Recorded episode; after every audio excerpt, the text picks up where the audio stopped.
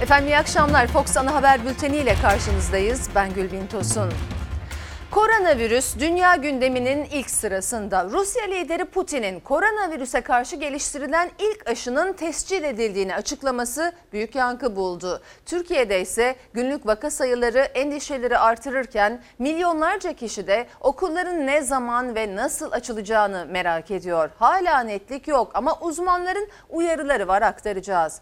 Cumhurbaşkanının IMF bizden borç istedi sözlerine muhalefetin tepkisi var. Deva Partisi lideri Ali Babacan ve eski Merkez Bankası Başkanı İyi Partili e, Durmuş Yılmaz'ın dikkat çeken yanıtlarını aktaracağız. Ekonomiye dair pek çok başlık daha var.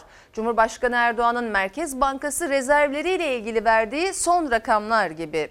Siyasette ise İyi Parti Genel Başkanı Akşener evine dön çağrısına Cumhurbaşkanı'nın da destek vermesinin ardından ilk kez konuştu.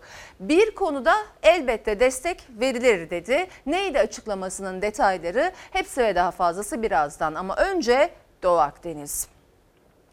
Çünkü dünyanın gözü Doğu Akdeniz'de Türkiye Yunanistan arasında gerilim yükseliyor. Ankara Atina'dan yükselen hadsiz suçlamalara ve tehditlere prim tanımadı. Oruç Reis'i Naltex ilan edilen bölgeye gönderdi.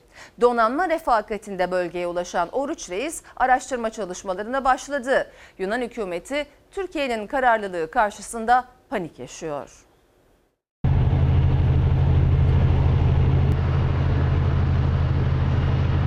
Oruç Reis savaş gemileri eşliğinde petrol ve doğalgaz arama çalışmalarına başladı. Doğu Akdeniz'de sular ısındı. Yunan güçleri Marmaris-Rodos arasında Türk teknesine ateş açtı, 3 kişi yaralandı. Türk ve Yunan hücum botları Kaş-Meis hattında karşı karşıya geldi. Bölgede atak helikopterleri uçtu. Türkiye gibi 780 bin kilometre karelik dev bir toprak parçasını görmezden gelip birkaç kilometre karelik adalar üzerinden bizi sahillerimize hapsetme girişimine elbette rıza göstermeyeceğiz. Dünyada hiçbir ülke böyle saçma ve temelsiz bir talebe boyun eğmez. Cumhurbaşkanı Erdoğan, Yunanistan'ın Mısır ve Rum kesimiyle anlaşıp Türkiye'yi sınırlarına hapsetme hayaline karşılık verdi bu yanıtı. Ankara, Atina ve Kahire'nin imzaladığı anlaşmanın yok hükmünde olduğunu vurguladı. Yunanistan'ın sinsi hamlesine karşı Navtex ilan etti, Oruç Reis'i sahaya sürdü.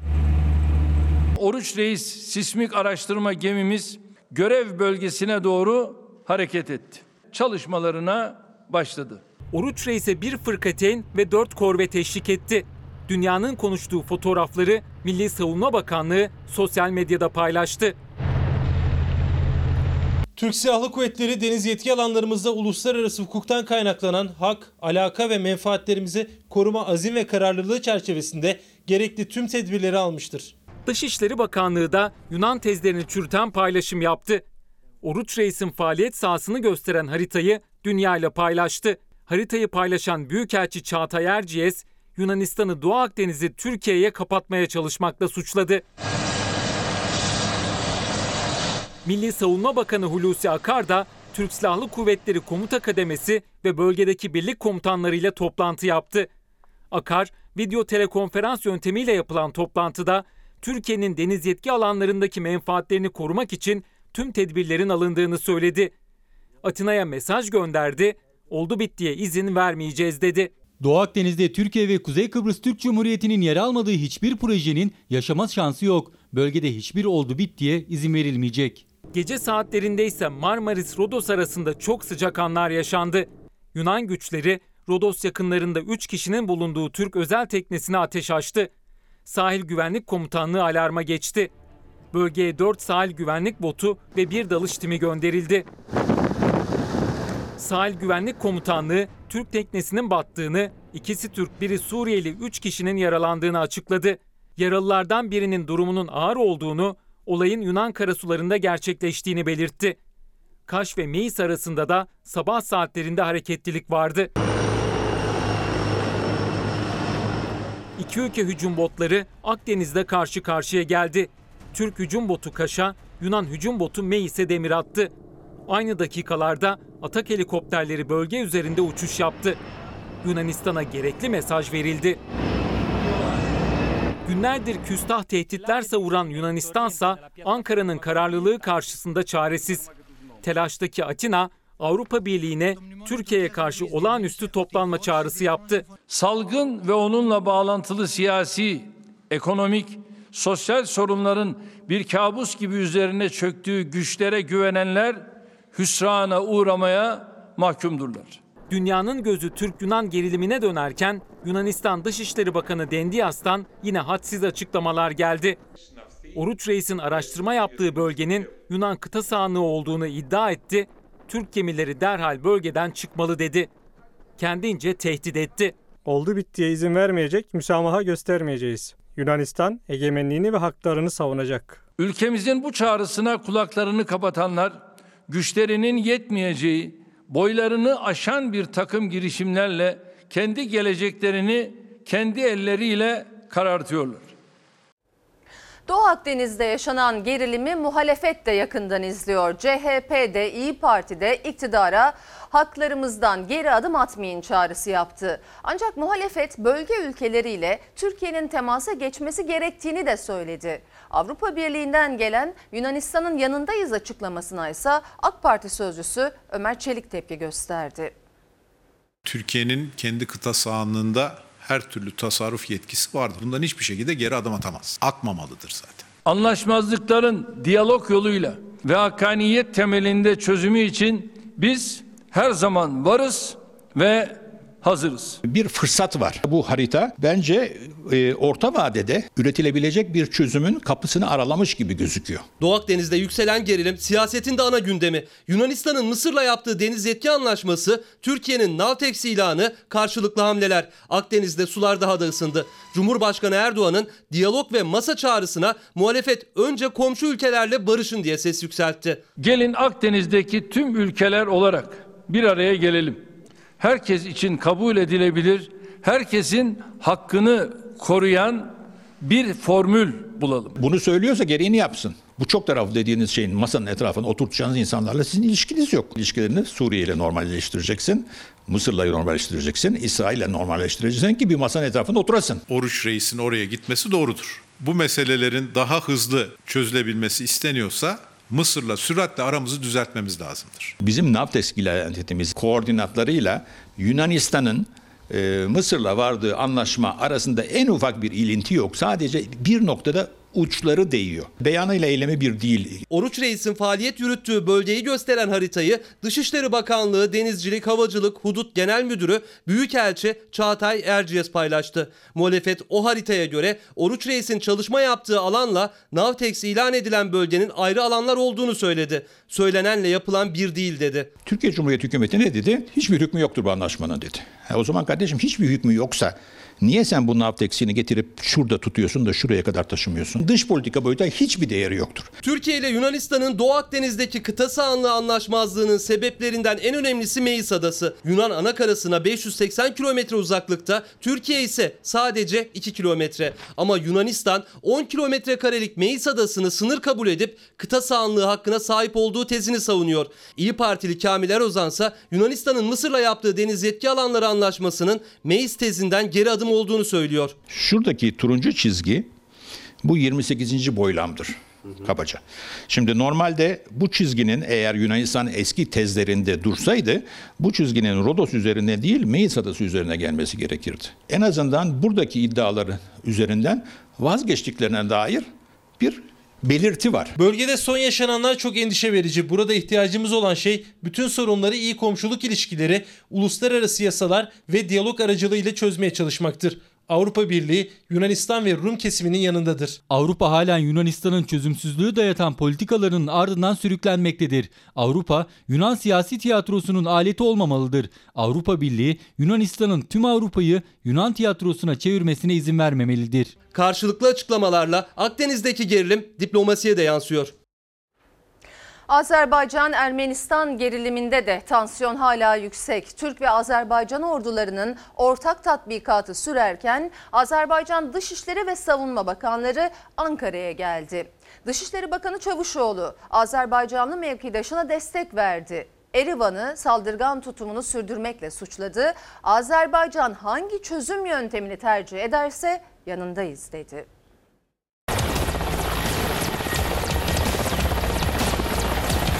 Kardeş Azerbaycan da hangi çözüm yöntemini tercih ederse biz o konuda da kardeş Azerbaycan'ın yanında olacağız. Çavuşoğlu Azerbaycan'a saldıran, çözüme yanaşmamakta direnen Ermenistan'a yüklendi.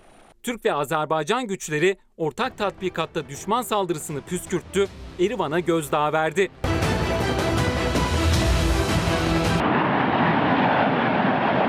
Azerbaycan-Ermenistan sınır hattında gerilim sürerken Türkiye Bakü'den gelen iki önemli ismi ağırladı.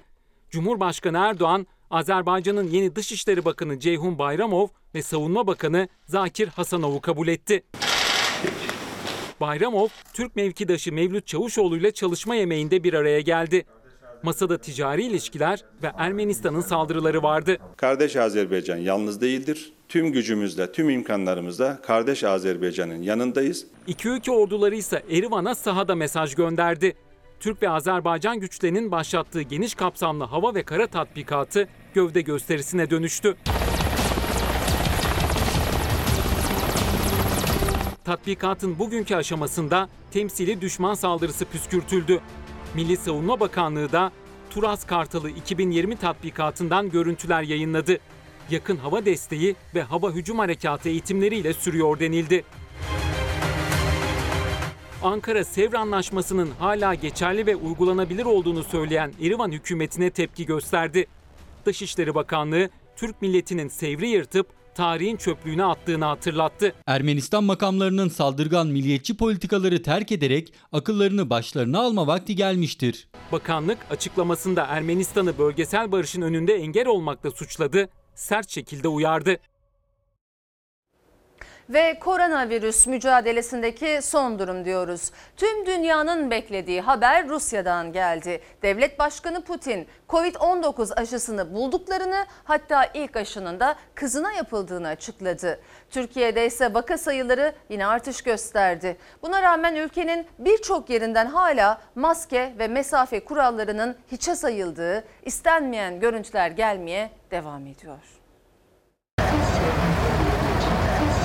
Bizim virüsü aldıktan sonra virüse ilgili bulgularımızın ortaya çıkması yani COVID-19 bulgularının ortaya çıkması ortalama 5 ila 6 gün. Kapımızdan dışarıya çıkıyorsak, evimizden dışarıya çıkıyorsak maskeli çıkmamız şart. Kurban Bayramı'nın üzerinden bir hafta geçtikten sonra koronavirüs tablosunda yeni vaka sayısı artmaya devam etti. 1200 sınırına dayandı. 14 kişi hayatını kaybetti. Türkiye'de 10 Ağustos itibariyle 241.997 koronavirüs hastası var. İçişleri Bakanlığı tüm ülkede denetimdeydi. Esnaf, toplu taşıma, restoranlar, AVM'ler hatta tarlada bahçede çalışan çiftçi bile denetlendi. Bu dönem şalgam çok önemli biliyorsun değil mi?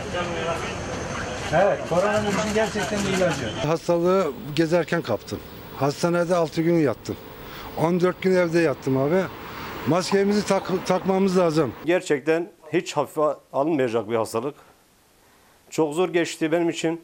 Halen de bunların sıkıntısını çekiyorum. Bir yanda hastalığı atlatanlar ve zorluklarını anlatmaya çalışanlar, diğer yanda hala durumun ciddiyetini anlamayıp maske mesafe kuralını hiçe sayanlar. Kol kola halay çekilen asker uğurlama töreni Bursa'dan. Bizim aktif e, genç nüfus grubumuz hala en çok enfekte olan ve onların bulaştırmasıyla da e, yaşlılarımız hastalanıyor. İstanbul'da da yine minibüs manzaraları takıldı kameralara. Denetimler sırasında kapasiteden fazla yolcu indi minibüslerden. Ya gidin abi. Git. Sabah sabah sinirlendirmeyin adamı. Ben bunu takılı değil miydim arkadaş beni gördüğünüzde? Hanımefendi maske var mıydı? Tamam da hanımefendi, hanımefendiye yazın o zaman. Yolcusu maske takmayan taksi şoförüne ceza kesildi İstanbul Beyoğlu'nda. Ceza yazılmasına neden olan kadınsa uzaklaşarak başka bir taksiye bindi. Taksiye binerken de maskesini çıkarıp yola fırlattı. Sonbaharda sadece Covid'den değil, Covid dışı nedenlerden de çok ciddi sorunlar yaşayabiliriz. Hem grip virüsü hem de Covid virüsü kalp kasına önemli hasarlar verebiliyor hastalık sırasında. Uzmanlar sonbahar aylarına karşı uyarırken dünyanın beklediği aşı haberi ise Rusya'dan geldi. Rusya Devlet Başkanı Vladimir Putin iki aylık insan denemelerinin ardından dünyanın ilk koronavirüs aşısına Sağlık Bakanlığı'nın onay verdiğini ve toplu üretime geçileceğini duyurdu. Putin ilk aşının da kızına yapıldığını açıkladı. Dünya Sağlık Örgütü aşı için titiz inceleme gerektiğini belirtirken Rusya kaynakları 20 ülkenin 1 milyar doz aşı için ön sipariş verdiğini duyurdu. Aşının başarısı bile bizim tutumumuza bağlı. Tekrar söylüyorum. Çünkü dünya nüfusunun %70'ine aşı yapabilme şansınız yok. Bunun bulaşma oranlarını azaltmak zorundayız. Bunun yolu da virüsle aramıza mesafe koymak. Virüs her insan olabilir. Ayakta dolaşan insanlar en çok virüs bulaştıran insanlar. Okulların yüz yüze eğitime başlamasına bir haftadan az bir zaman kaldı. Ancak hala okulların açılıp açılmayacağı tartışılıyor. Son sözse bilim kurulunun vereceği tavsiye kararında. Valla evde otura otura sıkıldım. Okulu hiç sevmeyen biri olarak okulu özledim ilk defa. Ailelerimiz izin vermiyor tabii ki ama hani bir yanımız hep istiyor okula gitmeyi. Bence açılması güzel olacak ama şey e, bence yine kapanır diye düşünüyorum. Mesafeye dikkat edebilecek misiniz arkadaşlarınızla? Zannetmiyorum. Yani çünkü arkadaşlarımızı da çok özledik. Çocukları duyuyoruz hani gerçekten evet çok özlediler, çok istiyorlar ama bir o kadar da korkuları bizlerin olduğu kadar onların da korkuları var. Günlerdir cevabını arayan soru okullar açılacak mı? Milli Eğitim Bakanlığı özel okullar için 17 Ağustos, devlet okulları için de 31 Ağustos tarihini ilan etmişti. Yani bir grup için bir haftadan az bir zaman kaldı ama hala yanıt bekleyen sorular var. Veliler ve öğretmenlerin içi rahat değil. Okula gönderecek oğlunuz, yeğeniniz, kızınız, evladınız var mı bilmiyorum ama siz veli olsaydınız diye sorayım. Gönderir miydiniz çocuğunuzu Ağustos 31'de okula? Ağustos 31'de hayır göndermezdim. Ezgi Gözeger'le Çalar Saat'e katılan Profesör Esin Davutoğlu Şenol bu net yanıtı verdi soruya. Veliler de aynı düşüncede. Milyonlarca kişi okulların ne zaman ve nasıl açılacağı sorusunun cevabını bekliyor. Aslında okulların açılması ile ilgili muhtemel tarihler var. Ancak hala belirsizlik sürüyor. Veliler ise kaygılı ve birçoğu çocuklarını okula gönderme taraftarı değil. Geceleri artık uyuyamıyorum. Düşünüyorum mesela elleri nasıl yıkayacak, sosyal mesafeye nasıl dikkat edecek. Düşünüyorum diyorum ki hani bir vakayla okullar tatil edilmişken şu an binlerde olan bir vakayla okulların açılması inandırıcı gelmiyor şahsen. Şu an tedirginiz açıkçası kararsızız. Yani şu anda kesinleşmiş bir şey yok. Son duruma bakacağız. Milli Eğitim Bakanlığı'nın elinde tüm okulların dokümanı var. Sınıfların büyüklükleri, sınıfların sayıları var. Geçişler var. Onlara göre karar vermek lazım. Ama bazı illerde mesela Konya'da olduğu gibi İl Pandemi Kurulu'nun, değer, İl Hızlı Sağ Kurullarının değerlendirmesiyle okulların açılışının ertelemesi olabilir mi? Olabilir. Düşünülen formüllerden biri vaka sayılarının yüksek seyrettiği il ve ilçelerde okulların farklı takvimlerde açılması. Ancak son söz bilim kurulunun vereceği tavsiye kararında.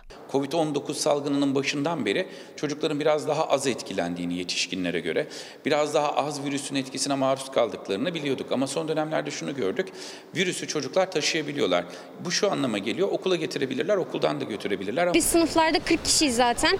Yarıya bölseler bile gene risk. Milli Eğitim Bakanı Ziya Selçuk da niyetimiz okulları açmak demiş ama öğretmen ve öğrencileri riske atacak bir karar vermeyeceklerinin altını çizmişti. Uzmanlarsa her türlü olumsuzluğa karşın planların hazırlanması gerektiğini vurguluyor. Ben şu soruyu sordum. Bir okul açıldı, bir tane öğretmen de pozitif çıktı. Ya da bir servis e, birinci şoförü pozitif çıktı, ikinci şoförü pozitif çıktı. Ne yapacağız ve nasıl ilerleyeceğiz? Okulların açılması şu aşamada hiçbir anlamda doğru değil. Bu belirsizlik sürerken Habertürk yazarı Muharrem Sarıkaya okulların planlanan tarihte yani özel okullar için 17 Ağustos, devlet okulları için de 31 Ağustos'ta eğitime başlayacağını ancak eğitimin uzaktan olacağı haberini verdi. Sarıkaya'nın haberine göre yüz yüze eğitim devlet okulları ve özel okullarda 21 Eylül'de başlayacak. Sayın seyirciler ekonomi ise siyasetin en sıcak başlığı. Döviz ve altındaki hızlı yükselişin ardından ilk kabine toplantısı yapıldı. Gözler toplantı sonrası iktidara çevrildi. Cumhurbaşkanı Erdoğan bir kez daha beyaz eşya satışları üzerinden iyimser bir tablo çizdi. Ama Merkez Bankası rezervleriyle ilgili verdiği son rakam akılları karıştırdı. Erdoğan'ın 3 gün arayla iki farklı rakam vermesi muhalefetin gündemindeydi. Merkez Bankası döviz rezervimiz 28 milyar dolardan 90 milyar doların üzerine çıktı. Sarayın kibirli adamı daha birkaç gün önce 100 milyar dolar dediği rezervi dün 90 milyar dolara indiriverdi. Cumhurbaşkanı Erdoğan'ın Merkez Bankası döviz rezervleriyle ilgili yaptığı iki açıklamada rakamlar birbirini tutmadı. Erdoğan rezerv için önce 105 milyar dolar demişti. 3 gün sonra ise 90 milyar dolar olarak açıkladı. Döviz rezervine bakıyorsunuz 105 milyar dolar.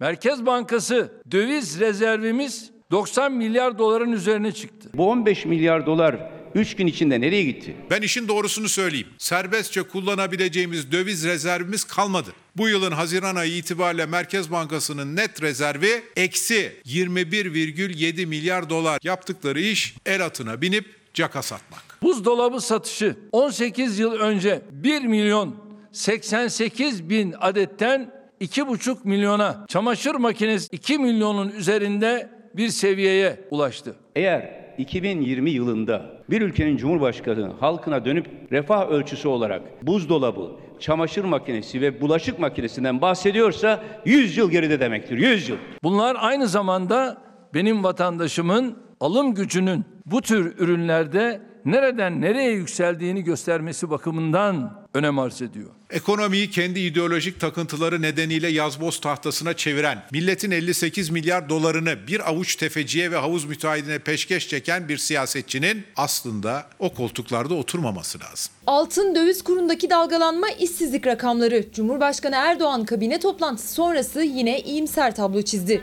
Muhalefet tam tersini söyledi. İyi Parti lideri Meral Akşener Kırıkkale'de ekonomik tabloyu vatandaştan dinledi. Hayırlı işler. İşler nasıl? İşte vurgun çok.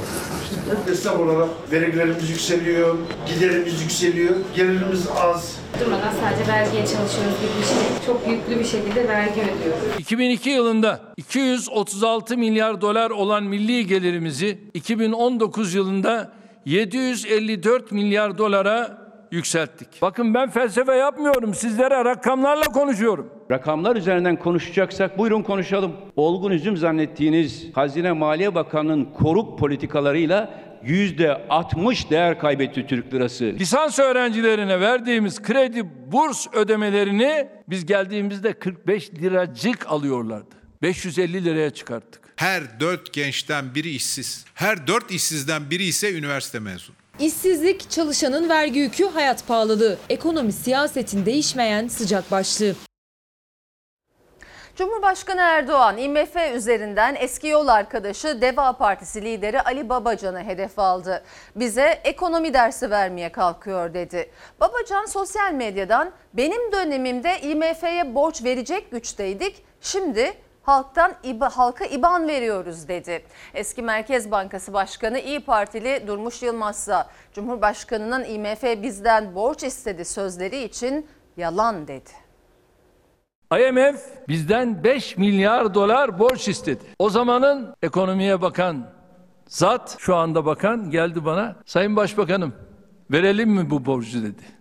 Verin dedim. Şimdi parti kurmuş bize ekonomi dersi veriyor. Sayın Cumhurbaşkanı'nın tespitine katılıyorum. Ekonomi yönetimini teslim ettiğimde Türkiye IMF'ye borç verebilecek güçteydi. Fakat bugün maalesef IBAN verip halktan yardım isteyen bir yönetim var. Cumhurbaşkanının IMF örneğiyle isim vermeden hedef aldığı Deva Partisi Genel Başkanı Ali Babacan'dan çok manidar bir yanıt geldi. Erdoğan'ın IMF çıkışı muhalefetin gündemindeydi. IMF'ye önce para sonra da emir verecekmişiz. Bu kadar da olmaz. Ayıptır din kardeşiyiz. IMF'ye borç veriyorduk diye caka satanlar salgında millete IBAN numarası gönderdiler. Öyle bir tabloyla karşı karşıyayız ki hasta ben hasta değilim diyor. Hasta değilim diyen bir kişinin tedavisine nereden nasıl başlayacaksınız? Muhalefet en çok da ekonomik tablo üzerinden yükleniyor iktidara. Cumhurbaşkanı Erdoğan da artık her konuşmasında ekonomi başlığına giriyor ve eleştirilere yanıt veriyor. Birileri de avucunu ovuşturuyor. Ana muhalefet partisi. IMF'e gidecekmişiz. IMF'den bir şeyler isteyecekmişiz. Ya boşuna avucunuzu ovuşturmayın. Kabine toplantısı sonrası kameralar karşısına geçen Cumhurbaşkanı Türkiye'nin IMF ile bir daha masaya oturmayacağını açıklarken arşivi açtı. 2013 yılında IMF borcunun kapatılmasını hatırlattı. IMF'e olan borcumuz biz göreve geldiğimizde 23,5 milyar dolardı ve biz bunu 2013 Mayıs'ında sıfırladık. Türkiye'nin şu anda IMF'e borcu yok. 2013 yılında IMF borcu kapatıldı ama o günden beri IMF tartışması kapanmadı. Erdoğan bir kez daha IMF'nin Türkiye'den borç istediğini söyledi. Kendisini ekonomik tablo üzerinden sık sık eleştiren eski yol arkadaşı Ali Babacan'a gönderme yaparak. IMF bizden 5 milyar dolar borç istedi. O zamanın ekonomiye bakan zat şu anda bakan geldi bana. Sayın Başbakanım verelim mi bu borcu dedi. Verin dedim. Bugün dedim borç alan yarın talimat alır. Şimdi parti kurmuş bize ekonomi dersi veriyor. Ekonomi hepimizin sorunu. Ders vermiyoruz. Ülkemiz düze çıksın diye çözüm önerileri sunuyoruz. Ali Babacan Cumhurbaşkanı'nın sözlerinin bir itiraf olduğunu da söyledi. Erdoğan'ın IMF borç istedi sözlerine CHP sözcüsünden de eski Merkez Bankası Başkanı İyi Partili Durmuş Yılmaz'dan da yalanlama geldi. Şu IMF 5 milyar dolar borç verme konusu en ağır kelimeyi kullanmak için çok zorladım. Bulabildiğim kelime yalan. Konu çok teknik. Kısacası IMF bizden borç istemedi. İhtiyati bir fona taahhütte bulunuldu. Taahhüt gerçekleşmedi. İspatı Merkez Bankası bilançosunda böyle bir borç kaydı yok. Öncelikle IMF'nin Türkiye'den istediği borç değil. Bir ihtiyat fonuna taahhütte bulunmasıydı. O taahhütte zaten gerçekleşmedi. Kibrin bu kadarına da pes doğrusu. Muhalefet cephesinden gelen açıklamalarla IMF tartışması uzayacak gibi görünüyor. MHP lideri Devlet Bahçeli açıktan, Cumhurbaşkanı Erdoğan ise üstü kapalı şekilde İyi Parti'nin Cumhur İttifakı'na katılması çağrısını yaptı. Akşener Bahçeli'nin çağrısına kapıyı kapatmıştı ama Cumhurbaşkanı da konuştuktan sonra günlerdir sessizdi. Sessizliğini Kırıkkale'de bozdu. Parlamenter sisteme geçiş için bizden destek isteniyorsa o desteği veririz dedi. Karşılık önerimizde iyileştirilmiş, güçlendirilmiş parlamenter sisteme geçiş. Bu konuda bizden yardım, destek isteniyorsa elbette bu konuda o destek verilir. Cumhurbaşkanının davetine parlamenter sisteme dönüşle yanıt verdi Meral Akşener. Millet İttifakı'na bağlılığının altını özellikle çizdi. Sayısal çoğunlukları var. Dış politika açısından baktığımızda ise Millet İttifakı'nda yer alan hiçbir siyasi parti devletini, hükümetini yalnız bırakmadı. Şayet bu çağrı siyasi bir taktik üzerine samimiyetten uzak ise milletimizin çıkarlarına, değerlerine aykırı davranılmadığı süre içerisinde yola çıktığımız hiçbir grubu insanı yolda bırakmadık. MHP lideri Bahçeli yaptı çağrıyı İyi Parti Genel Başkanı Meral Akşener'e. Evine dön dedi. Akşener o davete karşı Erdoğan'a seslendi. Ortağına ilgi göster dedi. Ancak bir gün sonra Cumhurbaşkanı Erdoğan'ın da üstü kapalı davetiyle tartışma daha da genişledi. Temenni ederim ki birlik beraberliğin tesisine yönelik bir adım olabilir. Şu sıra nasılım biliyor musun bana herkes? Cici yapıyor. Dağınıklıkta bir şey yok. Ne kadar birlik beraberlik artarsa hele hele HDP ile terör örgütleriyle el ele olmak milli ve yerli olarak düşündüğümüz İyi Parti'ye hiç uygun da düşmeyebilir. Milli ve yerli olduğumuzu teslim etti Sayın Erdoğan. Biz kendimizi biliyoruz. Milli, yerli, kalkınmacı, demokrat bir siyasi partiyiz. Beş sene sonra anlaşılmış olması bizi ancak memnun eder. Akşener Cumhurbaşkanı'nın açıklaması sonrası ilk kez Kırıkkale'de konuştu. İyi Parti'nin Cumhur İttifakı ile yol yürümesinin söz konusu olmadığını söyledi. Gittiği her durakta o davet gündemdi. Hayır hayır. Yok. Burada olmaya devam edeceğim. Bizim evimiz 83 milyondur. Anadolu'dur, milletin sinesidir evimiz. İyi Parti yetkililere de bunlara gereken cevabı vermiştir. Burada bize Cumhuriyet Halk Partisi olarak bir laf düşmez. Meral Akşener Cumhur İttifakı'na kapıyı kapattı. Millet İttifakı ortağı Kemal Kılıçdaroğlu'yla Perşembe günü Kocaeli'nde bir programa katılacak. İki liderin yan yana görüntüsü ittifaka bağlılıklarının yeni görüntüsü olacak. İster iktidar ister muhalefet partisi olsun fark etmez. Milletvekilinin kıymeti harbiyesi kalmadı. Valilerle il başkanları yer değiştirdi. AK Parti devletleşti. Bu tek adam sisteminin partili cumhurbaşkanlığı içinde gidilsin Sayın Erdoğan seçilemez. Akşener'in açıklamaları sonrası gözler şimdi Bahçeli ve Erdoğan'da.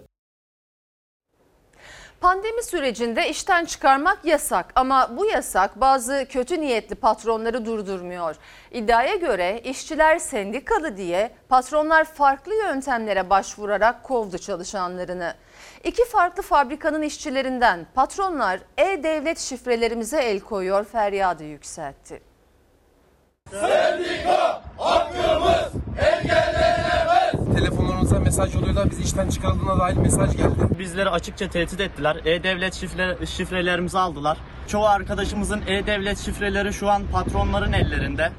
İstediklerini yapıyorlar. Mesajla işten kovdular, e-devlet şifrelerine, iddialarına göre zorla el koydular. Yani kovmakla kalmadı patronlar. Devlette olan tüm işlemleri, kişisel verileri ellerinde işverenlerin, işçilerin iddiasına göre sendikalı oldukları için işten çıkarmanın yasak olduğu dönemde uygunsuz davranışları olduğu iddiasıyla tazminatsız kovuldu 31 işçi. Sadece onlar değil, 300'e yakın tekstil işçisi sendikalı oldukları için baskı görüp 3 yıl boyunca kademe kademe işten çıkarıldı ya da istifa ettirildi. Pandemi sürecinde ise kalan iki sendikalı işçi hala ücretsiz izinde. İddialarına göre onların e-devlet şifreleri de patronun elinde. E-Devletlere E-Devlet şifresi olmayanlar da postaneye götürülüp E-Devlet şifresi alınmak koşuluyla bu 3 yıllık sü- süre zarfı içerisinde üyelerimizi sendikadan istifa ettirip sendikadan kurtulma yoluna gitmektedir. İşçilerin feryatlarından ilki Tekirdağ Çorlu'dan yükseldi. Kablo fabrikasında çalışan işçiler iddialarına göre bir süredir Türk Metal Sendikası'na üye oldukları için baskı görüyorlardı. İşten çıkarmak yasak olduğu için de işveren iş kanunundaki uygun olmayan davranışlar maddesini gerekçe gösterdi. 31 işçi işten çıkarıldı. işçi çıkartmak yasak kararnamesi olmasına rağmen bizleri fabrikanın önünde 31 arkadaşlarımızla bu duruma muhtaç bıraktılar. 31 arkadaşımız bir tanesi engelli kadrosunda olmasına rağmen zorla işten çıkartılmıştır. Sizlere sormak istiyorum. Sendikalaşmak hakkı ahlaksızlık ahlaksızlıksa biz ahlaksızlık etmişizdir. İşçiler Çorlu'daki fabrika önünde bir haftadır eylem yapıyor. Benzer mağduriyet İstanbul'daki tekstil fabrikasında yaşandı. Önce Türkiye Tekstil, Örme Giyim ve Deri Sanayi İşçileri Sendikası'na bağlı 300 işçiden 50 işçi kaldı geriye. Küçülüyoruz, e, krizdeyiz, küçülmeye gideceğiz, sıkıntı var, küresel kriz var denerek sayılarımız yine hep sendikalı işçilerden azaltıla azaltıla 50'ye düştük. Üstü kapalı uyardı. Ya işiniz ya sendika. Onlar da tabii ki hepsi de istifa ederek işlerini seçtiler. Sendikadan istifa etmek zorunda kaldılar. İki sendikalı kaldı fabrikada. Onlar da 3 aydır ücretsiz izinde. Sendikasız diğer işçiler vardiyalı çalışmaya başladı. 3 aydan beri biz evdeyiz. Çağrılmayı bekliyoruz. E, Bizi hiç çağırmadı. Koronavirüs salgınının başlamasıyla birlikte kepenk kapatmak zorunda kalan esnaf işlerini toparlamaya çalışıyor. Ama geçen 5 aylık sürede kapısını açamayan hatta dükkanını tamamen kapatan çok insan var. Öyle ki İstanbul'un en işlek caddelerinden biri olan Bağdat Caddesi'nde salgın tedbirleri nedeniyle kapanan dükkanların bir kısmı açılamadı. İflas bayrağını çeken esnaf iş yerlerini boşalttı. Pandemiden önce bütün bu dükkanlara çıktı. Herkes çalışıyordu. Burası çok hareketli, faal bir yerdir. Pandemi sonrası dayanamadı esnaf. Kapatmak zorunda kaldı. Sizin bildiğiniz kaç esnaf var kapatan burada? En az 10 tane biliyorum. İstanbul'un en işlek caddelerinden birinde dükkanlar bir bir kapanmaya başladı. Yerlerini kiralık ya da satılık ilanları aldı. Esnaf dükkanının kapısına kilit vurdu. Baktığımda sadece şu görüş alanında 1, 2, 3, 4 tane dükkan kapalı şu an. Evet. Dört tane kapalı daha kapanacak olan da var. Şu anda bizim 3 tane 4 tane komşu dükkanlarımız burada kapanmış durumda. Salgının Türkiye'ye sıçramasıyla birlikte on binlerce iş yeri geçici olarak kapandı. 1 Haziran'dan itibaren atılan normalleşme adımları kapsamında kapanan iş yerleri yeniden açıldı. Ancak yaklaşık 3 ay süren bu zorlu süreci bazıları atlatamadı. Çünkü esnaf kirasını, faturasını ödemek zorundaydı. Bir yandan da hiçbir geliri olmadan evini geçindirmeye çalıştı. Yani cebinden yedi. Sonunda da daha fazla dayanamadı. Karşı taraftaki dükkanlar da kapalı. O karşı taraftaki dükkanlar koronavirüsten sonra mı kapandı? Evet, koronavirüs başlangıcında kapandı, bir daha da açılmadı. Burası Bağdat Caddesi, Kızıl Toprak ve gece gündüz işlek olan bir cadde aslında. Ancak pandemiyle birlikte zorunlu olarak kapanan dükkanların normalleşme adımlarıyla birlikte daha sonra tekrar açılmadığını görüyoruz. İşte camlarına birçok dükkanın böyle kiralık ve satılık afişleri asıldı. Burası bir kargo şirketiydi ve pandemiden sonra kapandı. Şimdi yerinde kiralık ilanı var. Hemen yan tarafındaki dükkan da kapanmış durumda. Burası da bir restorandı. Pandemiyle birlikte kapatıldı ve bir daha açılmadı. Yolun karşı kaldırımındayız ve benzer bir manzarayla karşı karşıyayız. Burası bir döviz bürosuydu.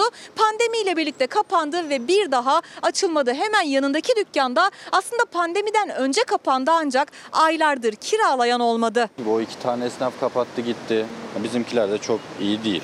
Dükkanını kapatmamak için direnen iş yerleri henüz yasak olmadığı dönemde işçi çıkarma yoluna gitti. Sonrasında da ücretsiz izne göndermeye başladılar. Biz önce 12 kişiydik. Dördü şu anda e, izinde. Yabancılar vardı. İşlerine son verildi. İzinde olanlar maaşını alıyor mu? Tam almıyorlar. Yarı yarıya. Mecburen çünkü karşılamıyor. Caner Tunç elektrikçi. Zor günler onun için hala devam ediyor. Malzeme olarak hiçbir şey alamıyoruz. Gücümüz kalmadı. Sizin geleceğinizi nasıl görüyorsunuz? Ben yarınımı göremiyorum. Dükkanı devam ettirecek misiniz?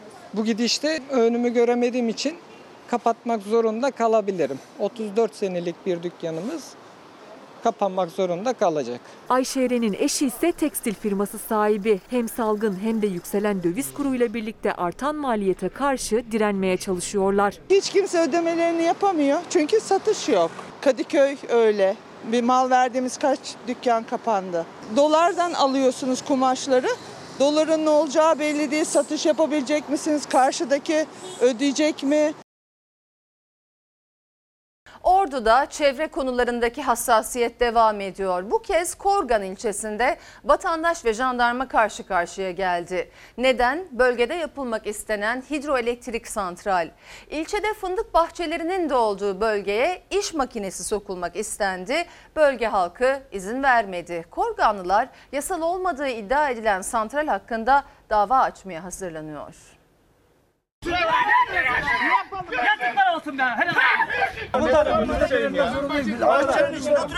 Ben burada fındık topluyorum. Patladığımı da getiriyorum. Ben burada fındık toplayacağım ben.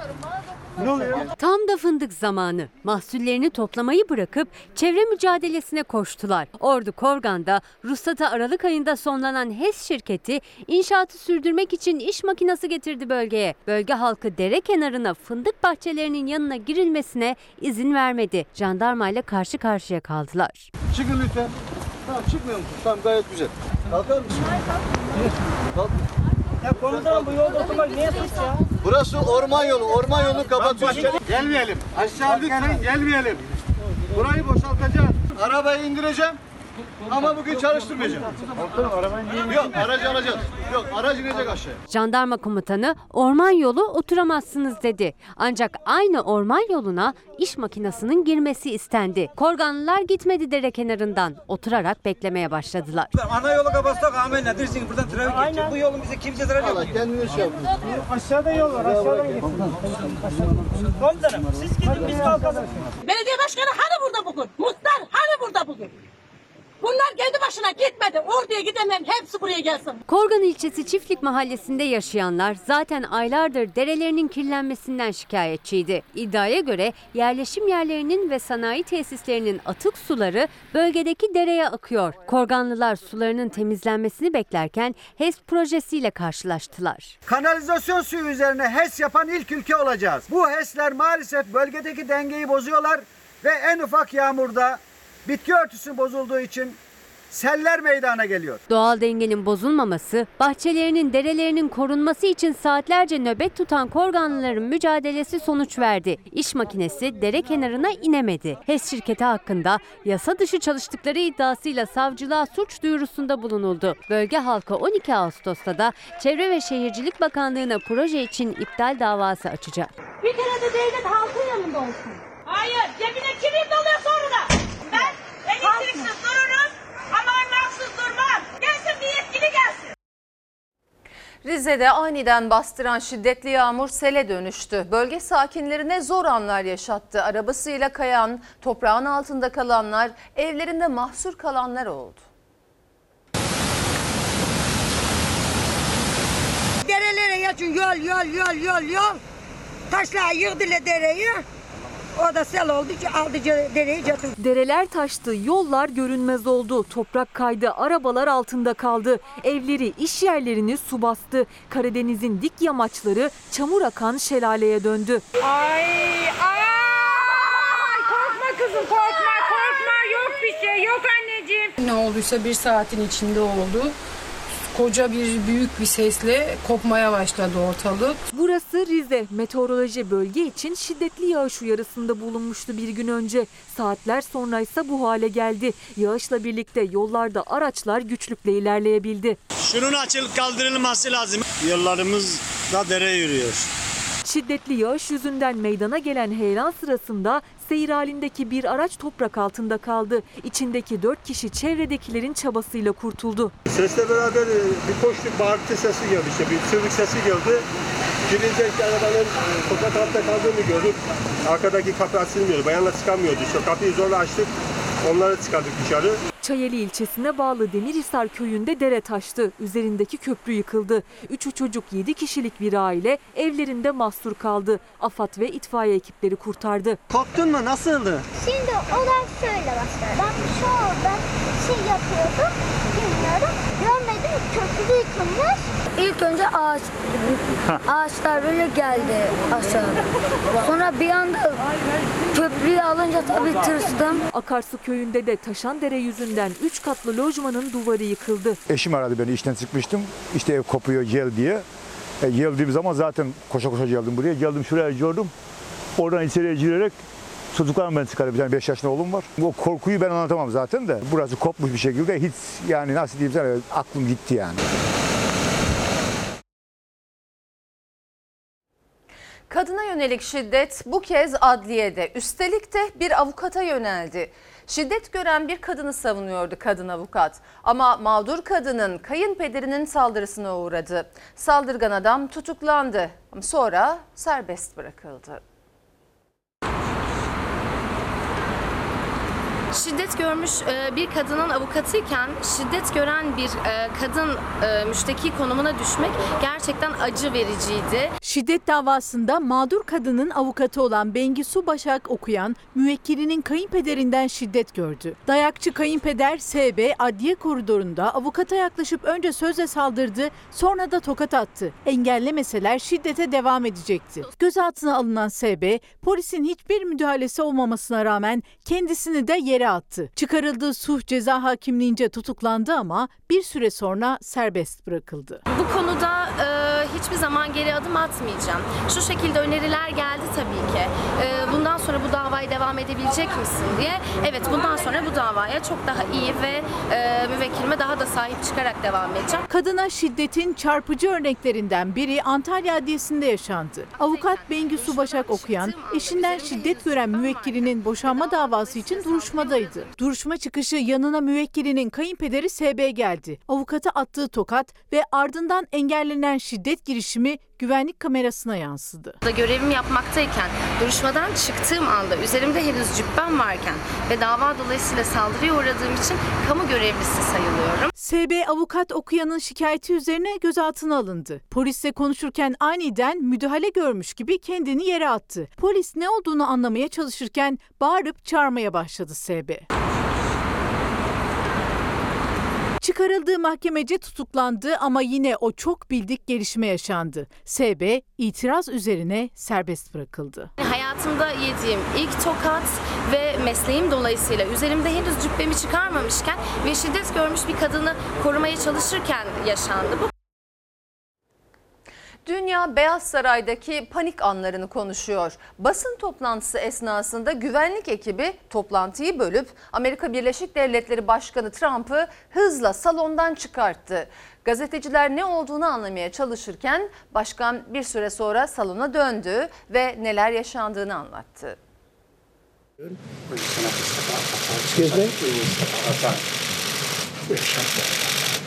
Trump'ın basın toplantısının ortasında gizli servis salona girdi. Başkanı apar topar uzaklaştırdı. Gazeteciler salona kilitlendi. Beyaz Saray'da heyecanlı dakikalar yaşandı. Amerika Başkanı Trump her gün olduğu gibi Beyaz Saray'da gazetecilerin karşısına çıktı. Covid-19 ve yaklaşan seçimle ilgili sorulara yanıt vermeye başladı. Konuşmasını salondaki gizli servis ajanı böldü. Trump'a bir şeyler söyledi. Amerika Başkanı söylenenleri anlamadı. Şaşkındı. Trump'a yaklaşan ajan sözlerini tekrarladı. Başkan tek kelime etmeden dışarı çıktı. Gazeteciler de salondan ayrılmak istedi ancak çıkışlarına izin verilmedi. Hareketliliğin nedeni Başkan Trump basın toplantısına döndükten sonra anlaşıldı. Beyaz Saray'ın dışında bir çatışma oldu. Şu anda kontrol altına alınmış görünüyor. Gizli servise her zaman hızlı ve verimli çalışmalarından dolayı teşekkür ederim. Heyecan yaratan olayın Beyaz Saray dışında gerçekleştiği açıklandı. Gizli servis şüphelinin kontrol noktasındaki güvenlik güçlerine doğru koştuğunu, bu sırada üzerinden bir nesne çıkararak sanki ateş açacakmış gibi durunca vurulduğunu belirtti. Efendim şimdi ara zamanı. Efendim Fox Ana Haber Bülteni'ni burada noktalıyoruz. Fox'ta yayın Yaparsın Aşkım'ın yeni bölümüyle devam edecek. İyi bir akşam geçirmenizi diliyoruz. Hoşçakalın. Dostuma her köşesi cennetin ezilir yanlar için bir başkadır benim memleketim.